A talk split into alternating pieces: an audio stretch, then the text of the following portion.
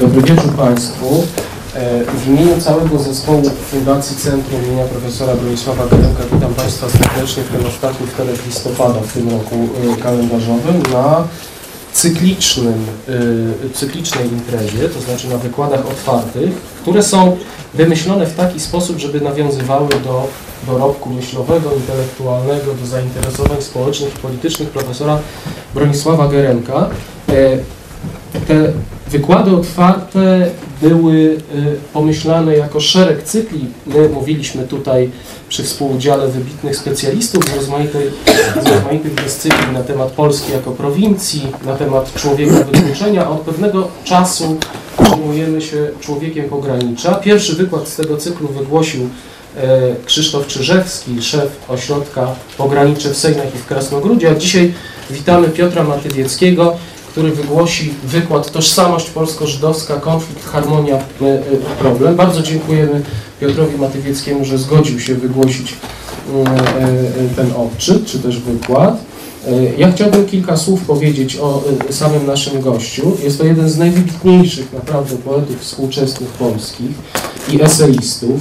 Jest autorem kilkunastu tomów poetyckich, począwszy od debiutanckiego, wydanego w roku 1975 tomiku Podróż, a skończywszy na widowni wydanej w tym roku, pomiędzy 1975 a 2012 rokiem upłynęło lat kilkadziesiąt i 12 tomów poetyckich z mniejszą, myślę, z większą regularnością Piotr nam jako swoim czytelnikom ofiarowuje. Jest też również wybitnym eseistą, autorem nagradzanych książek eseistycznych takich jak mm, przede wszystkim Kamień Graniczny, książka poświęcona filozoficznym aspektom Holokaustu, która to książka dostała nagrodę PEN Klubu, no i Twarz która zwyciężyła w 2008 roku w kategorii e, eseju, e, otrzymując nagrodę literacką e, Gdynia.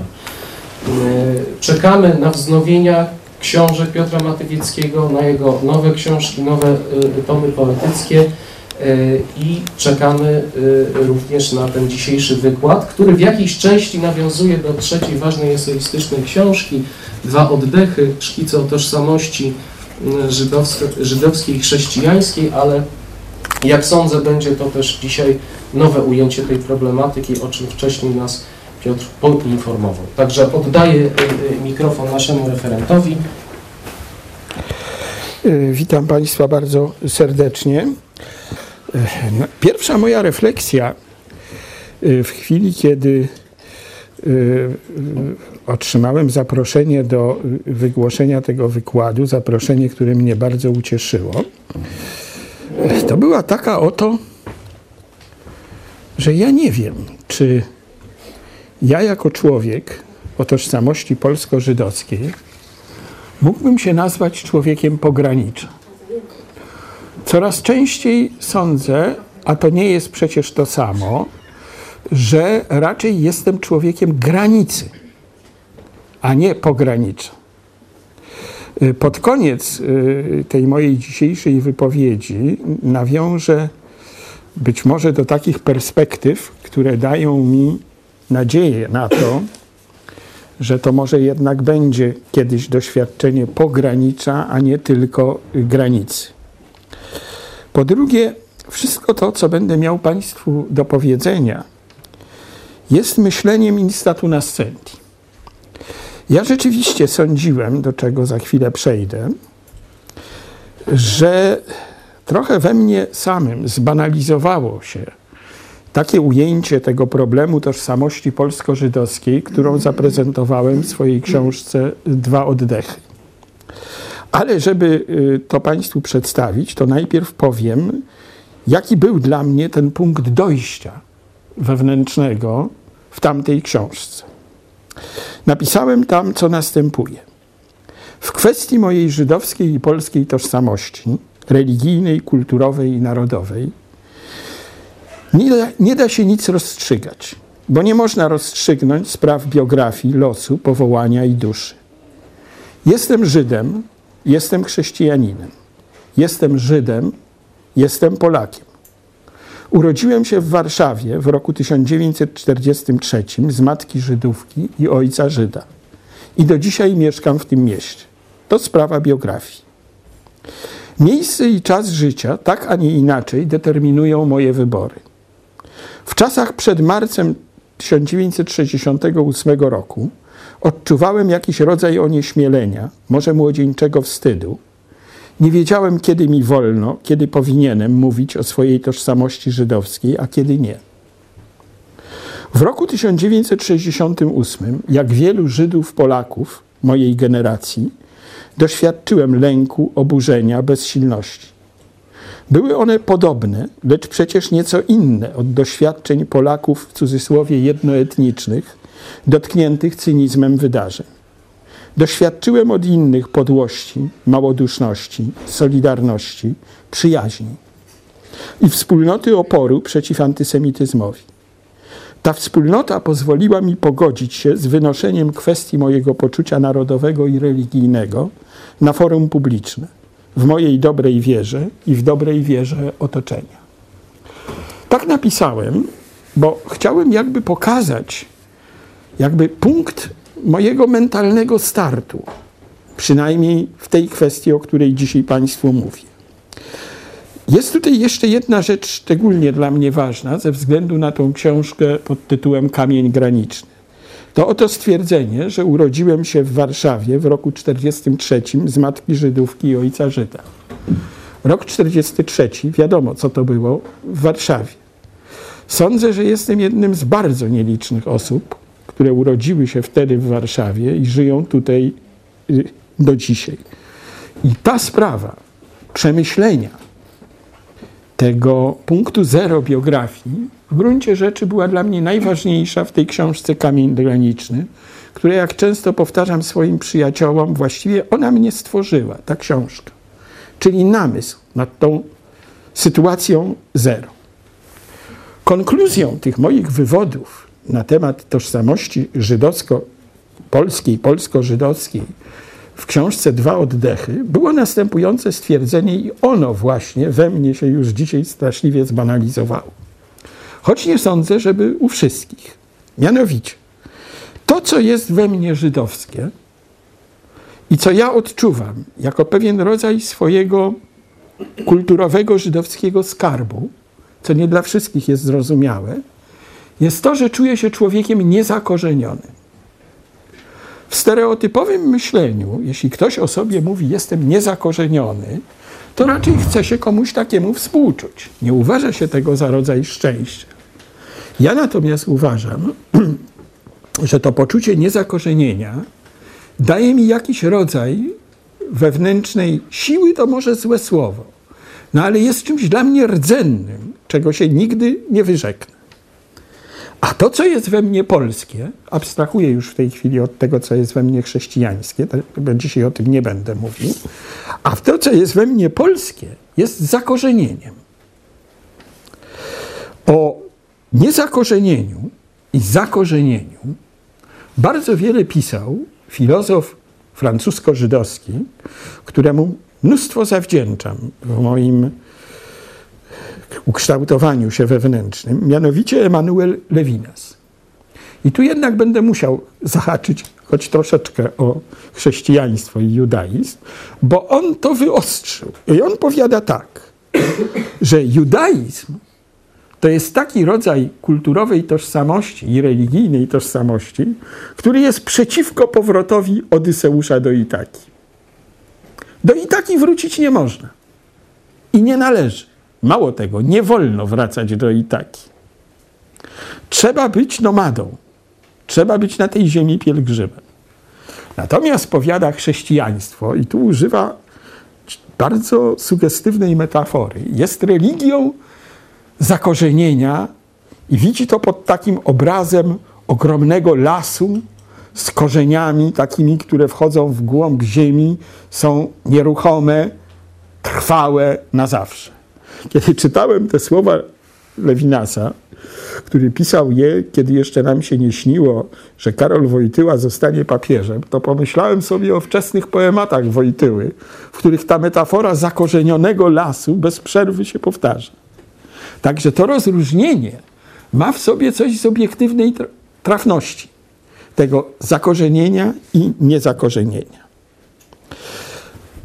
W ostatnim numerze literatury na świecie znalazłem niezwykle ciekawy tekst jednego z najznakomitszych dzisiaj młodych polskich filozofów, Adama Lipszyca, który recenzuje jakąś niepolską książkę o ruchu frankistów i o samym Jakubie Franku.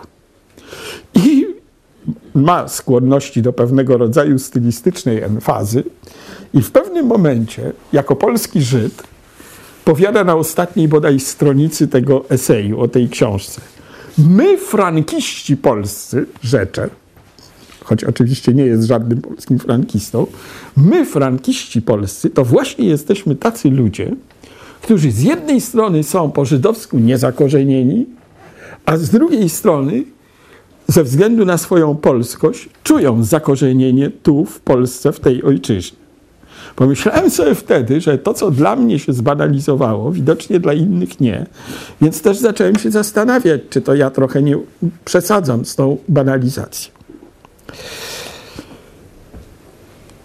Ja myślę też, że to ma wszystko bardzo wiele wspólnego z czymś, co się zawsze nazywało, przynajmniej w XX, a nawet i w XIX stuleciu, zupełnie zresztą niezależnie, choć trudno to powiedzieć niezależnie, ale w każdym razie przed zagładą żydostwa europejskiego, co się nazywało żydowskim lękiem egzystencjalnym.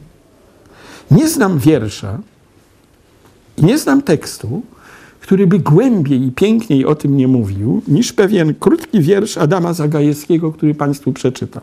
To wtedy od razu będziecie Państwo wiedzieli bez żadnych komentarzy, o co mi tutaj chodzi. Wiersz nazywa się Wielki Piątek w korytarzach metra. Żydzi różnych religii spotykają się w korytarzach metra, różaniec rozsypany przez czyjeś czułe palce.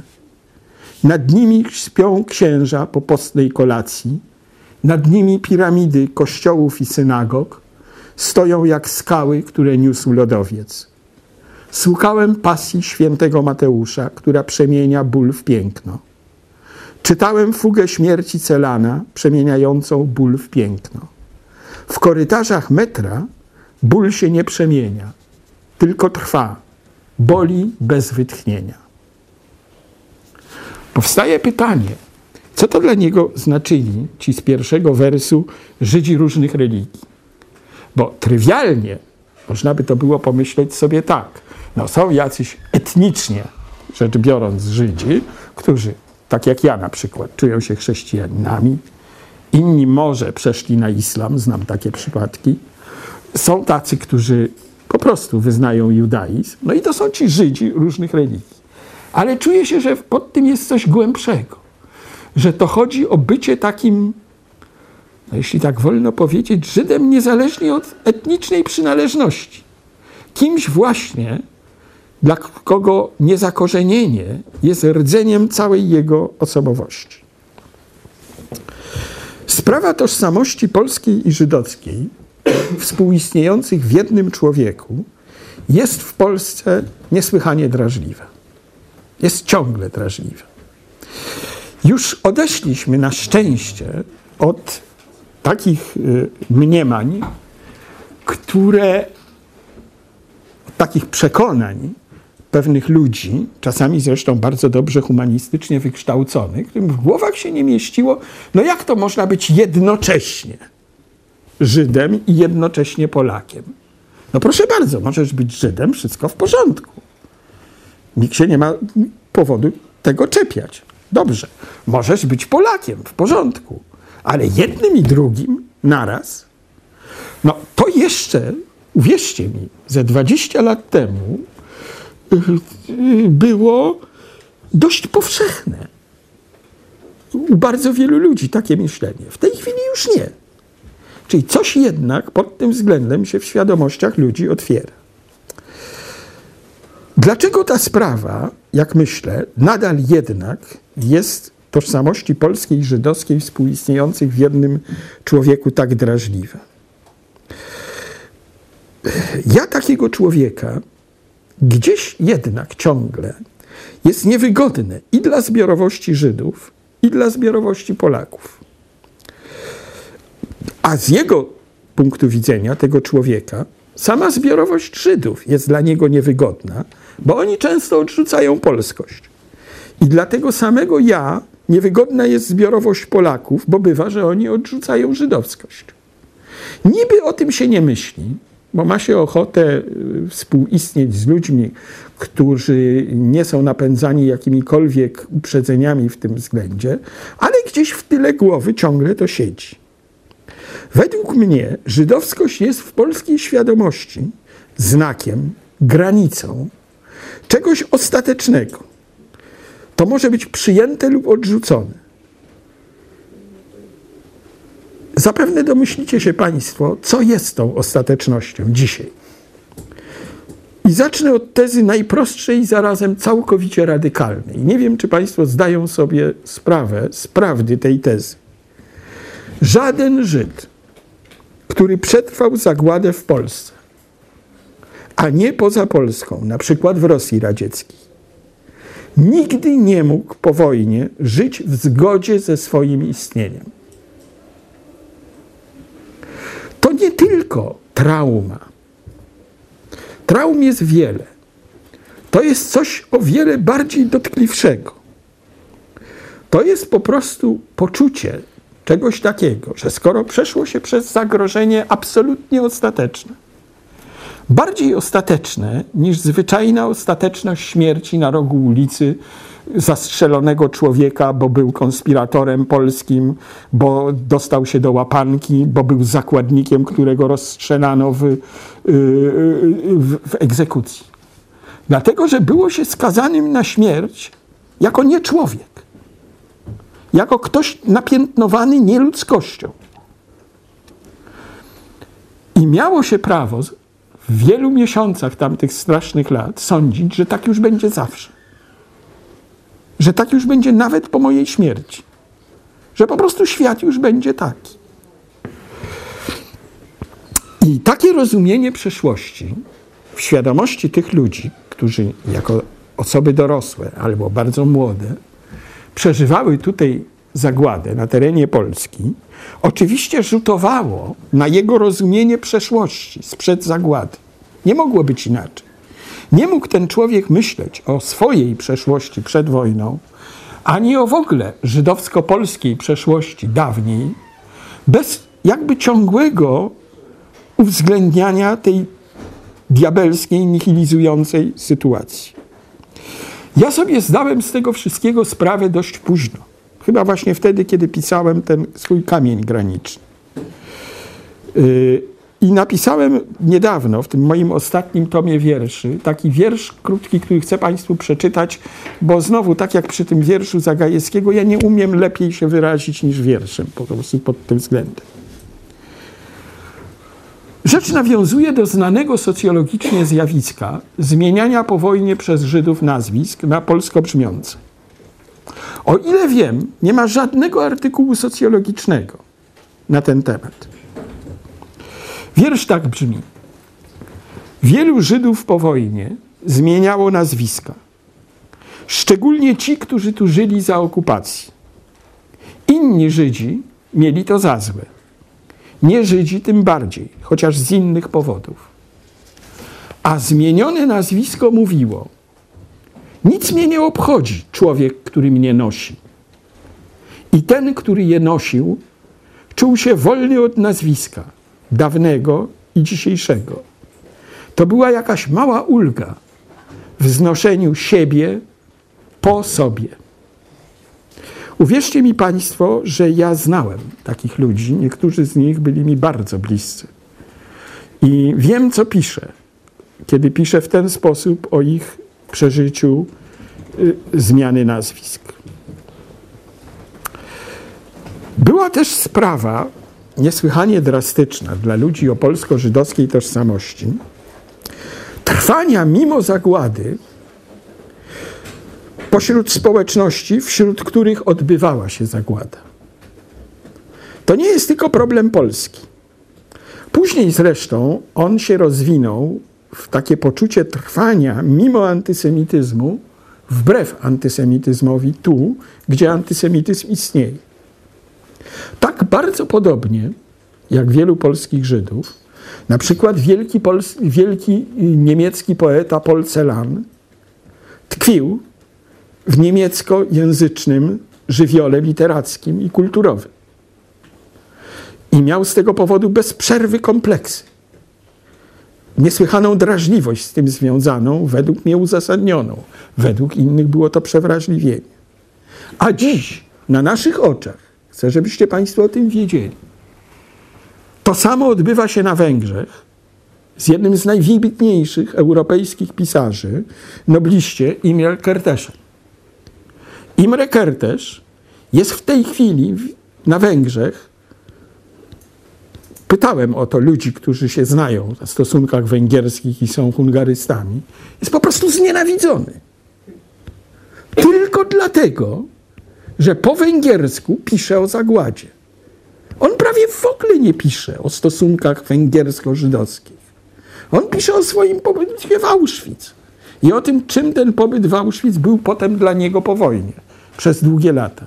A mimo to jest jakiś rodzaj instynktownej wściekłości wobec tego człowieka i co za tym idzie, tego, że on musiał to ciągle wytrzymywać.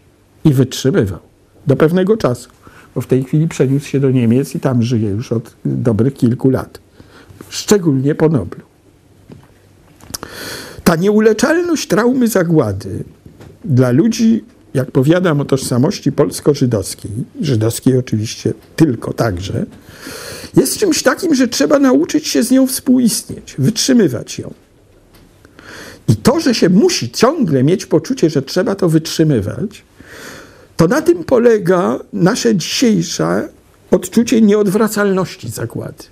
Tego, że ona nie jest tak po prostu czymś historycznym, co było. Dla mnie ona jest ciągle we mnie. Zarazem jest to też nieuleczalność z drugiej strony, yy, po stronie, jeśli tak wolno w cudzysłowie powiedzieć, polskiej, ale nie tylko polskiej, obsesji i furii antysemickiej. O tym jeszcze przez moment yy, później yy, coś powiem. Myślę, że tożsamość polsko-żydowska jest tak wyraźna i ostra, że wyostrza i poczucie polskości, i poczucie żydowskości. A może nawet w dzisiejszym świecie, ja to tak przynajmniej dla siebie odczuwam, to jest jedyna tożsamość, która rozognia tożsamość polską i uświadamia bytową niewygodę tożsamości żydowskiej. Każdy, kto ma polsko-żydowską tożsamość, staje dzisiaj wobec bardzo wielu neuroz własnych, osobistych i społecznych. Te neurozy nie zawsze mają charakter nienawistny. Są rozmaitymi i bardzo dojmującymi lękami. No na przykład antysemityzm. Wbrew temu, co się sądzi, mnie się zaczyna wydawać, że w stanie tak zwanym czystym antysemityzm jest już dzisiaj rzadkością. Ale ma pewne odmiany, których nie miał kiedyś. Na przykład jest jakimś swoim własnym echem. Bardzo często spotykam się z takim antysemityzmem, który już nie tyle jest nagim antysemityzmem, co z całej siły nieszczerym wypieraniem się tego, że jest się antysemitą. To jest bardzo znamienne. Mnóstwo z nas, ludzi się z tym spotykało. Ja antysemita w życiu. Prawda? Po czym zasuwa ten ktoś coś takiego, przy czym po prostu no, od razu skóra głętnieje. Podobnie jest z przeżyciem zagłady. Ja tak gadam o tej zagładzie tkwiącej we mnie, jako w autorze tego, tej książki Kamień Graniczny. No dobrze, ale przecież wiem, że to w gruncie rzeczy być może nie jest zagłada, ale jej fantum, fantom. Że to jest jakieś negatywne sakrum. Że to jest jakieś obsesyjne związanie z tym negatywnym sakrum jego badaczy, działaczy kultury, artystów, pisarzy w stanie nieomal psychiatrycznym. Zaznałem tego w rozmowie z pewną osobą niezwykle zasłużoną dla badań Holokaustu w Polsce. która mi powiedziała w pewnym momencie tak, Piotrek, ale powiedz, tak nie marzysz o tym, żeby tam być w tym getcie? Bo ja to tak marzę, wiesz, czasami. No to o tym właśnie mówię. O tym patologicznym sakrum. U, nawet u obiektywnych, bo to jest znakomity. Ktoś, kto się znakomicie na tym zna i nie ma w nim nic z szajby yy, w tym, co pisze o, o, o tych sprawach. Czysta nauka. No i jest też fascynacja żydostwem i egzotyka żydostwa. Traktowanie żydostwa, nawet przez samych Żydów polskich czasami, jako pewnego rodzaju kolekcji. Chce się mieć w sobie coś żydowskiego, chce się mieć żydostwo i w jakiś sposób je się wtedy uprzedmiotawia. Nie mam prawa tak sądzić o moich przyjaciołach Żydach, którzy yy, deklarują, yy, że są Żydami religijnymi. Ale czasami mi się tak wydaje.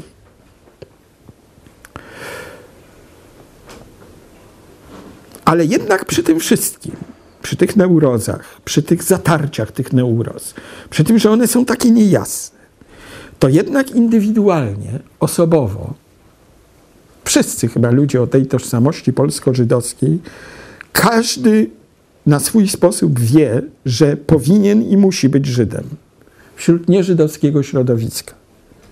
Tu pewna anegdota, bardzo osobista. Muszę ją Państwu opowiedzieć, ja ją bliskim przyjaciołom opowiadam. Jak powiedziałem na początku, cytując tą swoją książkę, przed marcem 68 roku, byłem bardzo w deklarowaniu swojego żydostwa, mówieniu o tym, po prostu zwyczajnie nieśmiały. To był zresztą społeczny temat tabu, ale nie tabu jakiegoś okropnego. Nie, no nie mówiło się o tym. Po prostu się o tym nie mówiło. Jestem sobie na pierwszym roku studiów. To był rok 63. Ja muszę bardzo zawsze starannie to obliczać, bo tutaj obecny mój przyjaciel z polonistyki, pan Czaplejewicz świetnie wie, że ja w pewnym momencie byłem na 17 latach polonistyki jednocześnie i nieraz bierzesz, na którym byłem kiedy. I chlubnie tego wydziału nie ukończyłem. No więc jestem na tym prawdziwie pierwszym moim roku polonistyki i wpadam w cudowną paczkę kumpli i kumplic, związanych z Kazimierzem nad Wisłą, ale nie tak snobistycznie, tylko naprawdę, oni byli stamtąd. No i jadę sobie z nimi do tego Kazimierza, jest mi cudownie w ogóle, no tak jak młody chłopak się czuje wśród rówieśników. Popijamy sobie wódeczkę, lekko skacowani, śpimy na jakimś strychu. Leżymy sobie na silnikach i w pewnym momencie ci moi kumple zaczynają opowiadać straszne zupełnie, obrzydliwe dowcipy antysemickie. A ja byłem wtedy chłopcem strasznie nieśmiałym. Po prostu nie otwierałem gęby przy czterech, więcej niż czterech osobach i jeszcze musiałem ich dobrze znać. I nagle poczułem coś takiego.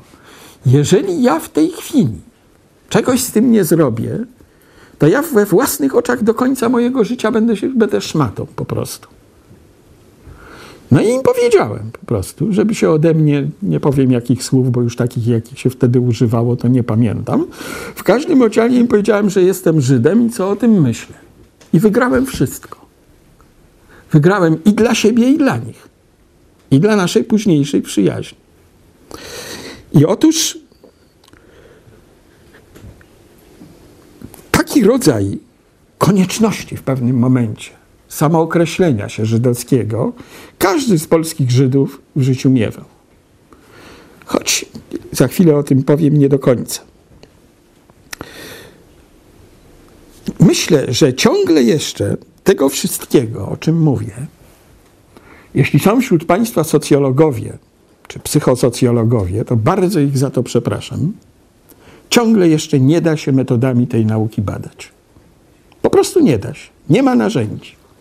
Co pozostaje? Pozostaje tylko lektura osobistych świadectw. Tylko tytułem przykładu, nie będę niczego z tego cytował, powiem Państwu o takim wywiadzie, który zrobił na mnie ogromne wrażenie kiedyś. To jest wywiad Michała Głowińskiego w Gazecie Wyborczej z maja 2005 roku. To był wywiad wstrząsający. Przez jakby pewnego rodzaju rodzaj szczerości, radykalizmu wobec siebie samego i innych, tego o czym mówił, o swojej polsko-żydowskiej tożsamości. No i mnóstwo takich innych rzeczy. Tam jest mnóstwo test, z których ja się bym nie zgodził. Inni pewnie z kolei nie zgodziliby się i z nim, i ze mną. Ale tylko lektura takich świadectw pozwala z tego kłębu polsko-żydowskiej tożsamości cokolwiek zrozumieć. Zresztą sam Michał Głowiński tu nawiązuje do tego, tej mojej, nie wiem skąd się wtedy wzięła odwagi wśród tych moich kumpli. Powiada, ja jeszcze w 1990 roku nie potrafiłem mówić o sobie publicznie.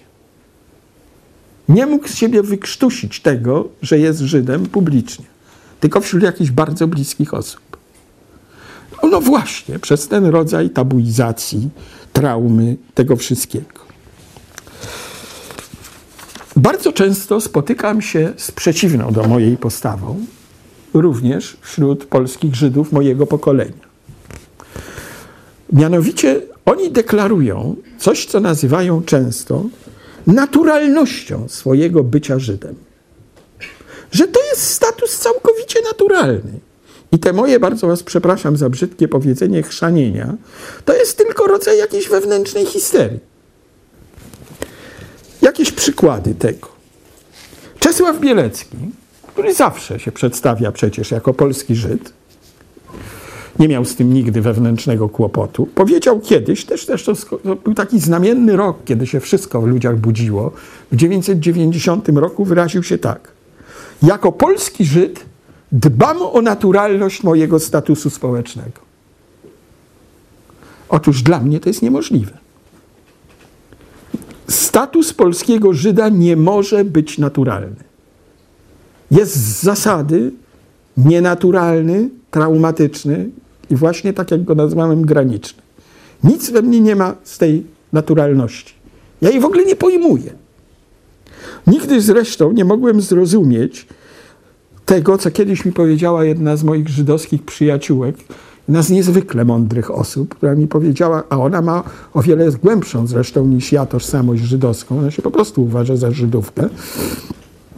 Powiedziała mi, słuchaj, ja czuję dopiero od niedawna to, co nam mówili nasi przodkowie, radość być Żydem. To jest takie religijne żydowskie zawołanie. Radość być Żydem. Ja nie mogę, ja tego nie rozumiem. W ogóle to nie, ja nie rozumiem, co to dzisiaj może znaczyć radość być Żydem.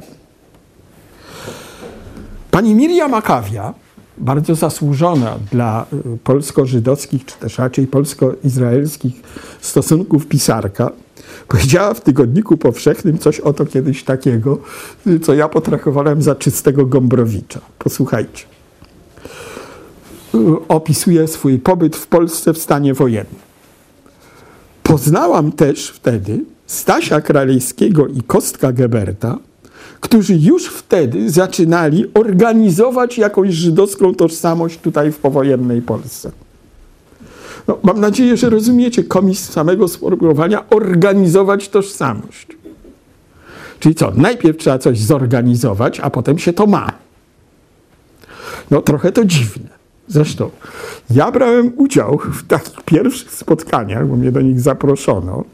Takiej grona młodzieży żydowskiej wówczas w stanie wojennym, oni się okropnie nazwali żul, czyli Żydowski Uniwersytet Latający. Ja ich trochę traktowałem, zgodnie ze swoim zgredowskim charakterem, jako cepelie. Później dopiero, po paru latach, zrozumiałem, że przy ich zaawansowaniu w judaizm autentycznym zupełnie, niesłychanie już potem głębokim, to już nie mnie włazić im z butami w duszach, ale wtedy tak było. I nigdy nie zapomnę takiego schadenfreude potwornego w ogóle, straszne to o mnie świadczyło, jak oni sobie nieopatrznie zaprosili Edelmana do siebie. No i się wtedy dopiero nasłuchali. Możecie sobie, jak wiecie, kim był Edelman, możecie sobie wyobrazić, co on im nawkładał po prostu do łbów.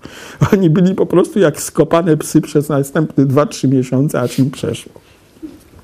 Na temat tej całej nieautentyczności takiej sytuacji. Teraz trochę historii. Mój czas, czas, który mnie ukształtował, nie wiem czy całe moje pokolenie, ale mnie, i również w tych kwestiach.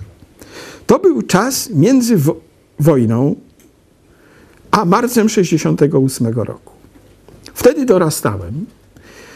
W wielu środowiskach dorastałem, ale między innymi w środowisku starszych ode mnie osób, wśród których nabywałem tej polsko-żydowskiej świadomości.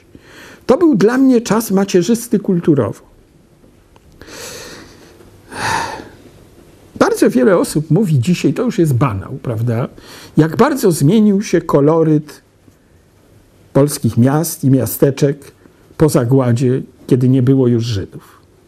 Ale mało kto mówi o tym, jak zmienił się koloryt przynajmniej ulic warszawskich po marcu 68 roku. Wyjechała wtedy prawie cała polsko-żydowska inteligencja, która wprowadzała nie jakiś malowniczy koloryt na ulicy, prawda, bo to nie to przecież zupełnie w Warszawie, ale jednak coś w sobie miała, a była to duża grupa osób i grupa osób opiniotwórczych. Otóż ci ludzie w jakiś wzmożony sposób, zastępczy, przechowywali w sobie sposób bycia przedwojennej Warszawy.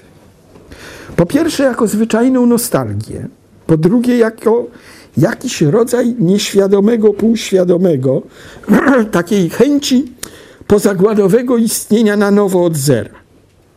Znali jedyny wzorzec tej polsko-żydowskiej inteligencji przedwojennej i tego wzorca chcieli się trzymać. A po marcu 68 roku, kiedy oni prawie wszyscy wyjechali, ci na ogół w moim wieku, którzy tu zostali, już nie mogli na tym budować. Ich tożsamość została jakoś dziwnie przerwana. Ja też bardzo tu późno dopiero z tej przerwy zdałem sobie sprawę. Na czym polegała fenomenologia tej formacji, o której mówię?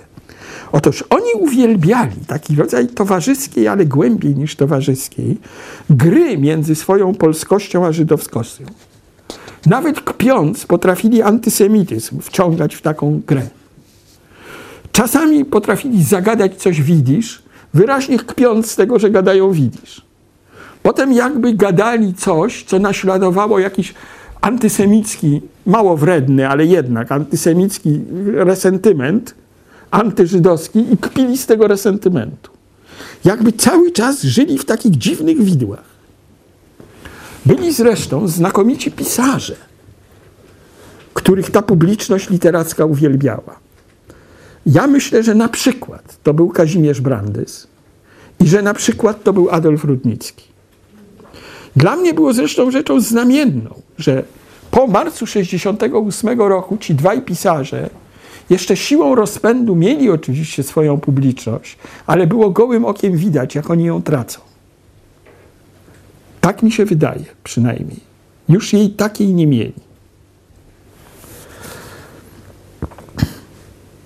Można by mnóstwo mówić o rodzajach polsko-żydowskiej tożsamości wtedy właśnie, ponieważ no, ja jestem człowiekiem, dla którego poezja jest najważniejsza i to, co wokół literatury i poezji, to mogę to tymi nazwiskami tylko pseudonimować. Na przykład Mieczysław Jastron. Poeta, którego rodzaj dziwnego symbolizmu i przeżycia zagłady kazał mu wszystkie te sprawy, o których mówię, wikłać właściwie w rodzaj takiej niesłychanie głębokiej podświadomości. Symboliki bardzo niejasnej, ale niezwykle przejmującej. Był z kolei Artur Sandauer, który z nieprawdopodobną determinacją i dociekliwością starał się tak klinicystycznie obnażać ten rodzaj świadomości polsko-żydowskiej. Napisał kiedyś coś, co się nazywało taką parabiografią. I to była taka próba gombrowiczowskiej analizy kogoś, kto przed wojną jest Żydem, spolonizowanym i stara się wedrzeć na siłę w polskie ziemiańskie środowisko, robiąc wszystko, żeby tylko nie wyjść za Żyda. I to jest przedstawione z takim ostrym gombrowiczowskim komizmem.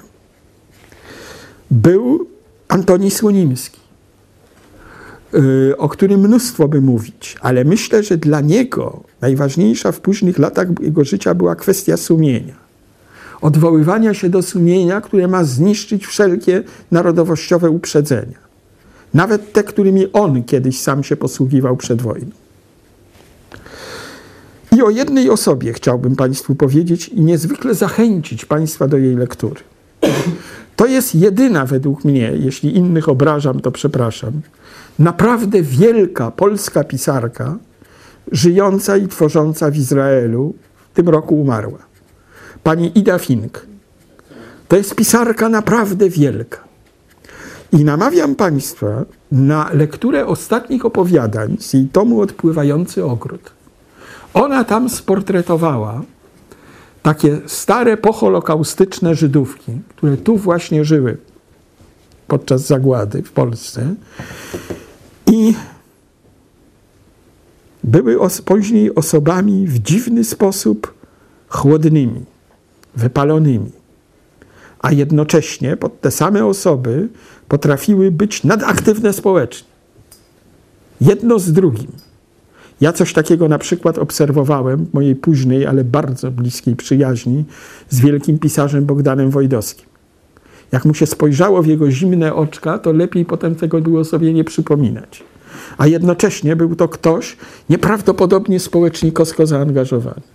Jedno z drugim.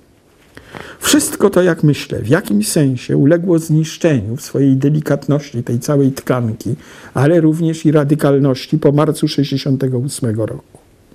Bo zamiast tej gry, subtelnej czasami, pojawił się po prostu obopólny lęk.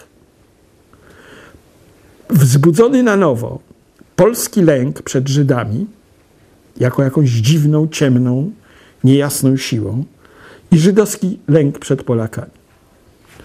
Czym był dla mnie, jak ja go rozumiałem, jak go dzisiaj rozumiem, marzec 68 roku? Może najstraszniejsze w nim było nie nawet samo to państwowe szczucie, wszystko to, co się wtedy na jaw wydobyło, ale to, że to było wydostanie się antysemityzmu na wolność, które było triumfalne. Ten triumfalizm antysemityzmu się czuło po prostu wszędzie.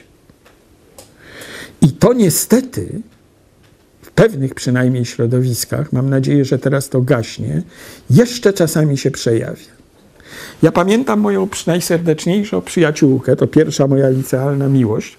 Melduję wam posłusznie, że bardzo jest miło mieć przyjaciółkę na całe życie, która była pierwszą miłością y, licealną, która nie ma nic wspólnego z pochodzeniem żydowskim i nie tak dawno mi mówi, słuchaj Piotrek, byłam u moich przyjaciół na jakimś przyjęciu i słuchaj, ja tego nie rozumiem.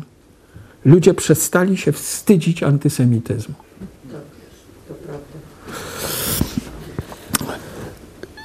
Marzec miał charakter szoku, oczywiście. O tym szoku można by było mówić mnóstwo. Znalazłem taką wypowiedź kiedyś w gazecie wyborczej i pani, która się nazywa Anna Lec, no ponieważ podpisała się z tą odpowiedzią, to ją zacytuję i ona powiedziała tak. Wtedy wyjechałam z Polski, bo czułam się zaszczuta, czułam się za nawiasem społeczeństwa i za nawiasem prawa. Po prostu bałam się i nikt nie mógł nam pomóc i nikt nie chciał nam pomóc. Najgorzej mieli ludzie w takiej właśnie sytuacji. Pewni moi bardzo bliscy przyjaciele tak się właśnie czuli i wyjechali. Ja na polonistyce, na tych 17 latach naraz, polonistyki warszawskiej, miałem cudowną przyjacielską otulinę. Po prostu miałem do kogo otworzyć gębę, miałem o tym pogadać. No czułem po prostu właśnie to coś, co się nazywa przyjacielską otulinę. Ja z całej siły nie chciałem wyjechać, już dzisiaj nigdy nie będę wiedział, czy dlatego, że miałem taką otulinę, czy to było jednoczesne, ale w każdym razie tak się stało.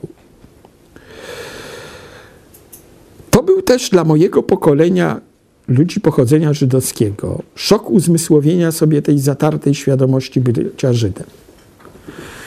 Stopnie tego zatarcia, tej świadomości były rozmaite. Na pewnoście Państwo słyszeli wielokrotnie o tych opowieściach o starych już chłopach dwudziestoparoletnich, którzy w marcu 68 roku dowiadywali się nagle od rodziców, że są Żydami, prawda? To się zresztą i dzisiaj trafia. I co się im wtedy w głowach musiało robić, no tego ja nie wiem, bo ja akurat takiego problemu nie miałem, odkąd po prostu mogłem rozumieć, co to znaczy no to od rodziców wiedziałem, że jestem Żydem i kropa, prawda? ale oni tak mieli, ci ludzie. W moim pokoleniu też, takich ludzi z kolei jak ja i moich rówieśników, nie żydowskiego pochodzenia, w ogóle naprawdę, uwierzcie mi, ten problem nie istniał. Ubawię teraz y, Eugeniusza opowieścią, której z moich ust nigdy nie słyszałeś, a ja to zawsze powtarzam, śliczną opowieść o Stefanie Żółkiewskim i mojej żonie Ewie. Mianowicie, moja żona Ewa była podopieczną wielkiego pana profesora Stefana Żółkiewskiego. To jeszcze było przed marcem 68 roku, zaznaczam. No i zaciągnęła mnie, kiedyś jeszcze nam się nie śniło, że będziemy parą, ale się przyjaźniliśmy, na seminarium Żółkiewskiego, żebym przyszedł, bo to takie fajne i mądre. No rzeczywiście było fajne i mądre, potem była przerwa, Żółkiewski wziął moją, y, Ewę na bok, coś tam z niej szepcze, gada, dobra. Kończy się to seminarium i Ewa z lekko osłupiała mnie, pyta tak, Piotrek, a profesor to mnie zapytał, Kim jest ten chłopiec, który obok ciebie siedzi o takiej semickiej urodzie? I Ewa na to. Piotrek, co to znaczy semicka uroda? No taka była mniej więcej nasza świadomość. No naprawdę. Po prostu. I teraz wyobraźcie sobie to huknięcie po prostu z armaty tego wszystkiego, co się, to się przecież stało w ciągu paru miesięcy. A drastycznie, no to w ciągu dosłownie parunastu dni. Myślę, że marzec przedłużył się w jakiś sposób do dzisiaj. I cała szowinistyczna propaganda antysemicka, ta, która do dzisiaj oddziaływuje, po prostu cały czas się samo wzmaga tą propagandą jeszcze marcową i gdzieś tam ją z tyłu głowy ma. I teraz kilka spraw jeszcze starszych, bo Żydowskość jest dla Polaków i polskość dla Żydów ciągle jakąś konfliktową też i traumatyczną formą świadomości historycznej. I taki błyskawiczny przegląd z przykładami. Najpierw słynne zdanie Janusza Korczaka. Korczakolodzy je znają na pamięć, także aż nie warto go cytować, bo wstyd, ale ci, którzy nie są korczakologami, to może nie znają tego zdania. To jest zdanie z listu do przyjaciela, z 1937 roku, w którym Korczak wspomina swoją decyzję oddania swojego życia osieroconym dzieciom. I było to, jak pisze w tym liście, w 911 roku. I w 911 roku pomyślał sobie tak, cytuję go. Niewolnik nie ma prawa mieć dzieci. Polski Żyd pod zaborem rosyjskim. I natychmiast potem odczułem to jako samobójstwo narzuciłem sobie takie życie. Jak to skomentować? Można to rozumieć dwojako, a może na te dwa sposoby naraz. Że to jest jakaś Polska żydowska, w 911 roku oczywiście, wspólnota niewolnictwa. I Polak miał prawo się czuć wtedy niewolnikiem, i Żyd miał prawo się czuć niewolnikiem. A można też jeszcze troszkę inaczej, że to jest jakby żydowskie pogłębienie polskiego bycia w niewoli. Czyli jakby będąc Żydem i polskim Żydem, jeszcze głębiej jestem zniewolony niż po prostu patriotycznie nastawiony Polak. Ma to oczywiście też y, związek y, z akcjami pogromowymi carskimi, które w tamtych latach przecież wybuchały. Drugi akcent. Jest rok 1924. Przyjeżdża do Polski znakomity niemiecki pisarz, Żyd niemiecki, Alfred Deblin i pisze słynną w swoim czasie książkę, od razu przetłumaczoną na polski, pod tytułem Podróż po Polsce. I Polska jawi mu się jako jeden wielki kraj granic. Ja o tym sobie kiedyś napisałem tak – że miałem poczucie, czytając tę książkę, jakbym razem z autorem przebijał się przez dziwaczną przestrzeń, składającą się jedynie z granic. Przestrzeń nie dającą sobie żadnej perspektywy, żadnej nadziei nieograniczoności. Świat różnic szczelnie zwierających się, nie pozwalających przejrzeć się tożsamości tego, co zróżnicowane.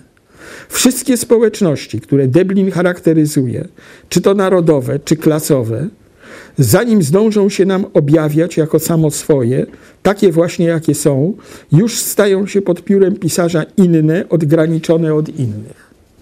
I to Deblina przeraziło. On przyjechał z ówczesnej Europy, którą widział, tak ją przeżywał, jako jakiś rodzaj wielkiej kulturowej wspólnoty. I tu nagle widzi kraj etnicznych, socjalnych, strasznie drastycznych granic. Oczywiście najbardziej interesowały go granice polsko-żydowskie i żydowsko-polskie. I pomyślałem sobie po lekturze tego, ponieważ on nie tylko o tych żydowsko-polskich granicach pisał, że może jednak jest coś z jakiejś mentalnej histerii, w tym absolutyzowaniu granic w mentalności żydowsko-polskiej, bo znalazłem tak oto tekst w słowniku etnologicznym, bardzo poważnym, w cytacie pod tytułem, w haśle pod tytułem Tożsamość kulturowa. Cytat z pewnego badacza angielskiego, który tak pisze, w ogóle nie pisząc o sprawach żydowsko-innych, tylko po prostu w ogóle o tożsamości etnicznej i kulturowej. Pisze tak. Tożsamość jest skazana definitywnie na wpisanie w obszar pośredni pomiędzy tym, co pojedyncze i tym, co zbiorowe, tym, co wewnętrzne i tym, co zewnętrzne, bytem i działaniem, ego i alter, defensywą i ofensywą, zakorzenieniem i migracją, asymilacją i dyskryminacją, wrośnięciem i marginalnością. No to jest dokładnie to, o czym myśl, mówię.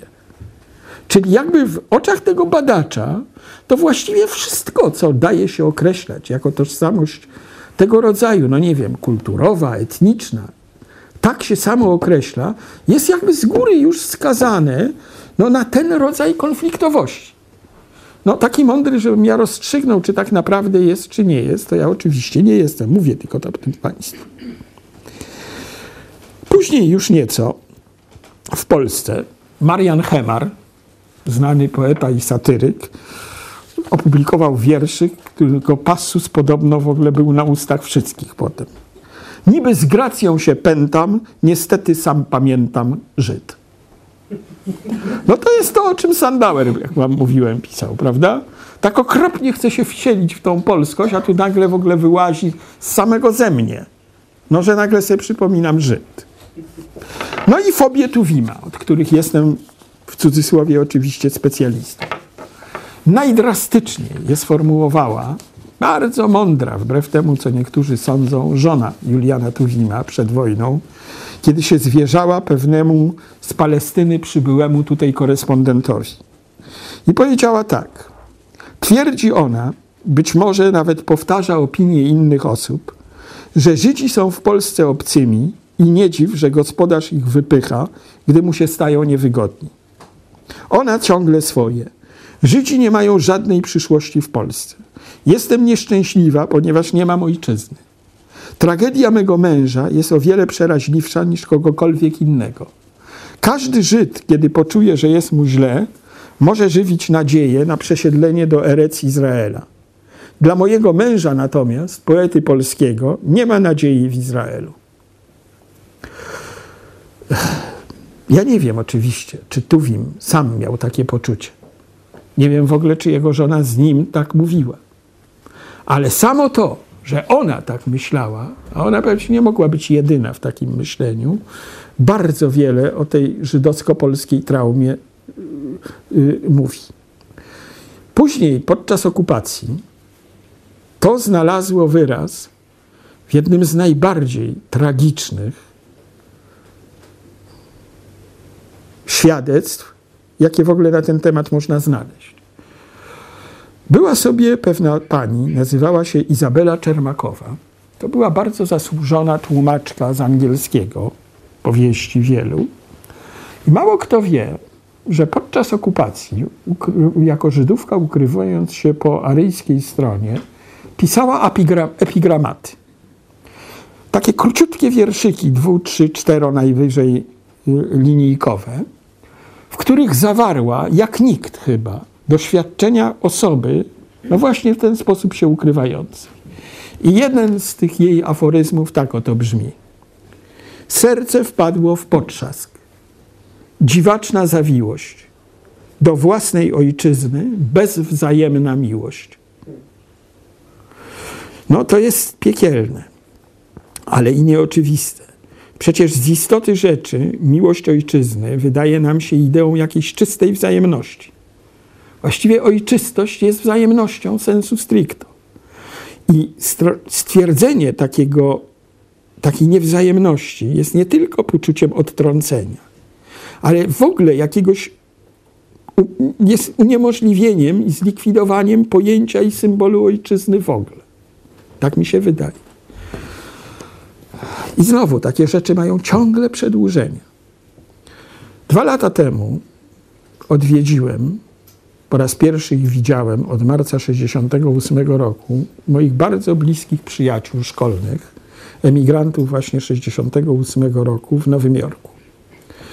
Gadają po polsku, jakby w ogóle nie wyjeżdżali z Warszawy. Deklarują, że y, nic co polskie ich nie obchodzi. A co się dzieje w Polsce, wiedzą wszystko dokładnie, na pamięć. Trauma pełna. Kłóciliśmy się w ogóle straszliwie, jak Polak z Polakiem i Żyd Żydem, czyli jucha leciała po ścianach w ogóle od rana do nocy. No i słuchajcie, na koniec już już mam odlatywać. I ona, taka Stasia, mówi mi tak. Dwa razy to powtórzyła, tak dobitnie, że ja sobie to do końca moich dni zapamiętał. Kim oni mianowicie są? I powiedziała tak. Jesteśmy polskimi Żydami. Nie Amerykanami, nie Polakami. Jesteśmy polskimi Żydami, których Polska nie chciała. Nikim innym nie jesteśmy. Czyli dla nich bycie polskim Żydem, polską Żydówką jest tym samym, co stwierdzenie, że Polska ich nie chciała. To należy do istoty polskiego Żyda, że Polska go nie chce. Tak oni przynajmniej to czują, a to było bardzo szczerze powiedziane. No i na koniec, po tym podglebiu historycznym pseudo-polsko-żydowskiej świadomości, czy coś się z tym da zrobić, czy coś się z tym innego dzieje? Myślę, że jednak jakoś tak.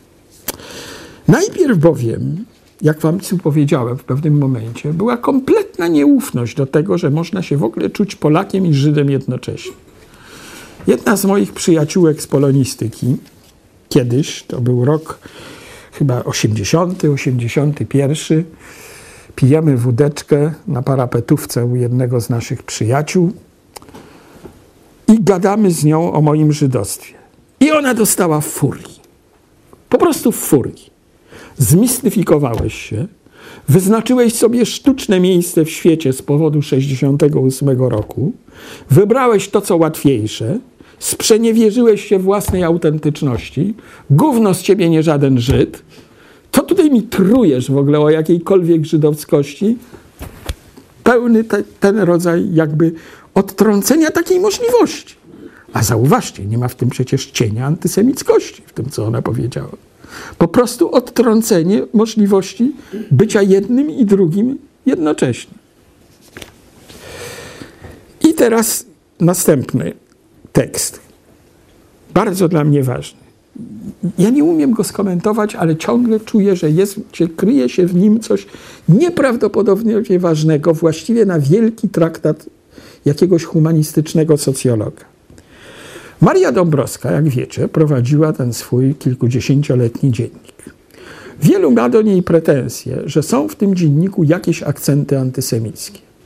Co jest to bulwersujące, jeśli się pamięta, wspaniałą postawę Dąbrowskiej sprzed wojny, kiedy czynnie potrafiła się przeciwstawiać antysemityzmowi w Polsce. No więc jest ciągły spór. Czy to był antysemityzm, czy nie był antysemityzm? No dobrze.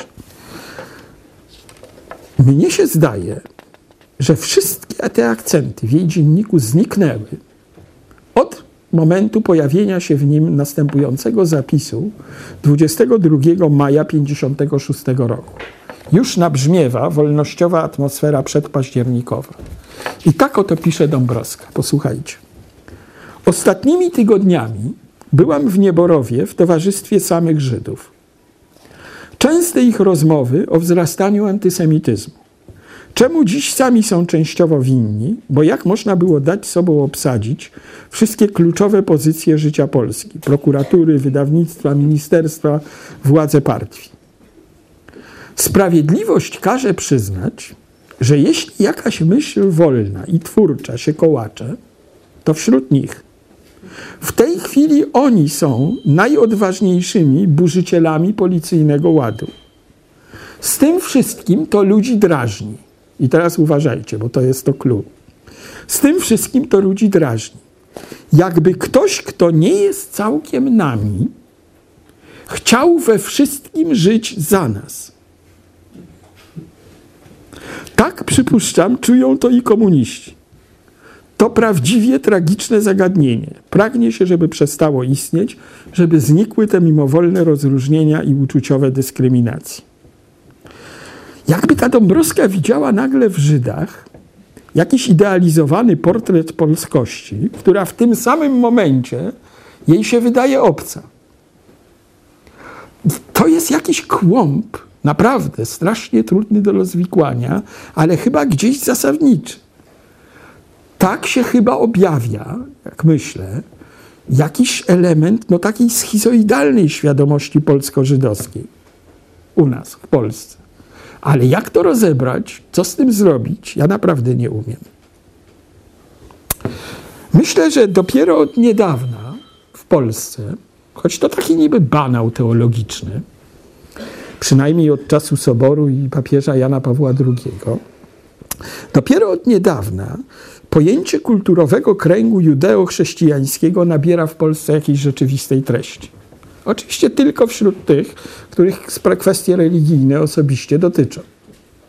To ci ludzie, najbardziej świadomi i światli, chyba jednak rozumieją już naprawdę dobrze, co to jest krąg judeo-chrześcijański. A jednocześnie w związku z laicyzacją, która postępuje i oczywiście będzie postępowała, inaczej być nie może, wartości tego kręgu są odsakralizowywane i przez to wypłukiwane. Czy jakoś można rdzeń tych wartości, który jest dla jednych sakralny, a dla innych nie musi być sakralny, uratować? Tego ja nie wiem. Podobnie jak myślę, jest z treścią słowa zagłada. Ponieważ już dzisiaj tyle wiemy, nie tylko o faktach dotyczących zagłady, bo fakty to stało się zawsze przecież. Przecież nawet wiedziało się wszystko niesłychanie dawno już temu i o tym, co się działo na styku polsko-żydowskim podczas y, y, zagłady w Polsce. To było od bardzo dawna wiadome. O tym się tylko nie mówiło po prostu, powszechnie. Otóż również dopiero dzisiaj to słowo zagłada nabiera znaczenia, ponieważ ludzie zaczynają rozumieć świadectwa tych osób, które przeżyły zagładę zaczynają w nie wnikać. Zaczynają czuć jakąś, według mnie skądinąd niemożliwą, ale to nie znaczy, że nie należy jej zawsze szukać, empatię po prostu z przeżyciami tamtych ludzi. No i wreszcie żydowskość staje się chyba coraz bardziej i w świecie, i tym samym w Polsce, jakimś czymś uniwersalnym w kulturze światowej jakimś jednym z uniwersalnych aspektów człowieczeństwa. I od tej strony także, jak myślę, ta traumatyczność świadomości szczególnej, polsko-żydowskiej, być może będzie, będzie malała. Powiedziałem na początku, i dalej tak jednak sądzę, że ktoś taki jak ja to nie jest człowiek pogranicza, tylko człowiek granicy. Ale też muszę uczciwie powiedzieć, że odczuwam, że wokół tej granicy zaczynają się wreszcie i we mnie, i w innych ludziach budować jakieś terytoria, jakieś kulturowe terytoria. I może dzięki temu po prostu y, ten ruch międzygraniczny między tym, co żydowskie, a tym, co polskie, również w ludziach o świadomości polsko-żydowskiej zacznie się no w jakiś sposób tworzyć a wszelkie takie ruchy zawsze są kulturowo bezcenne. Dziękuję bardzo.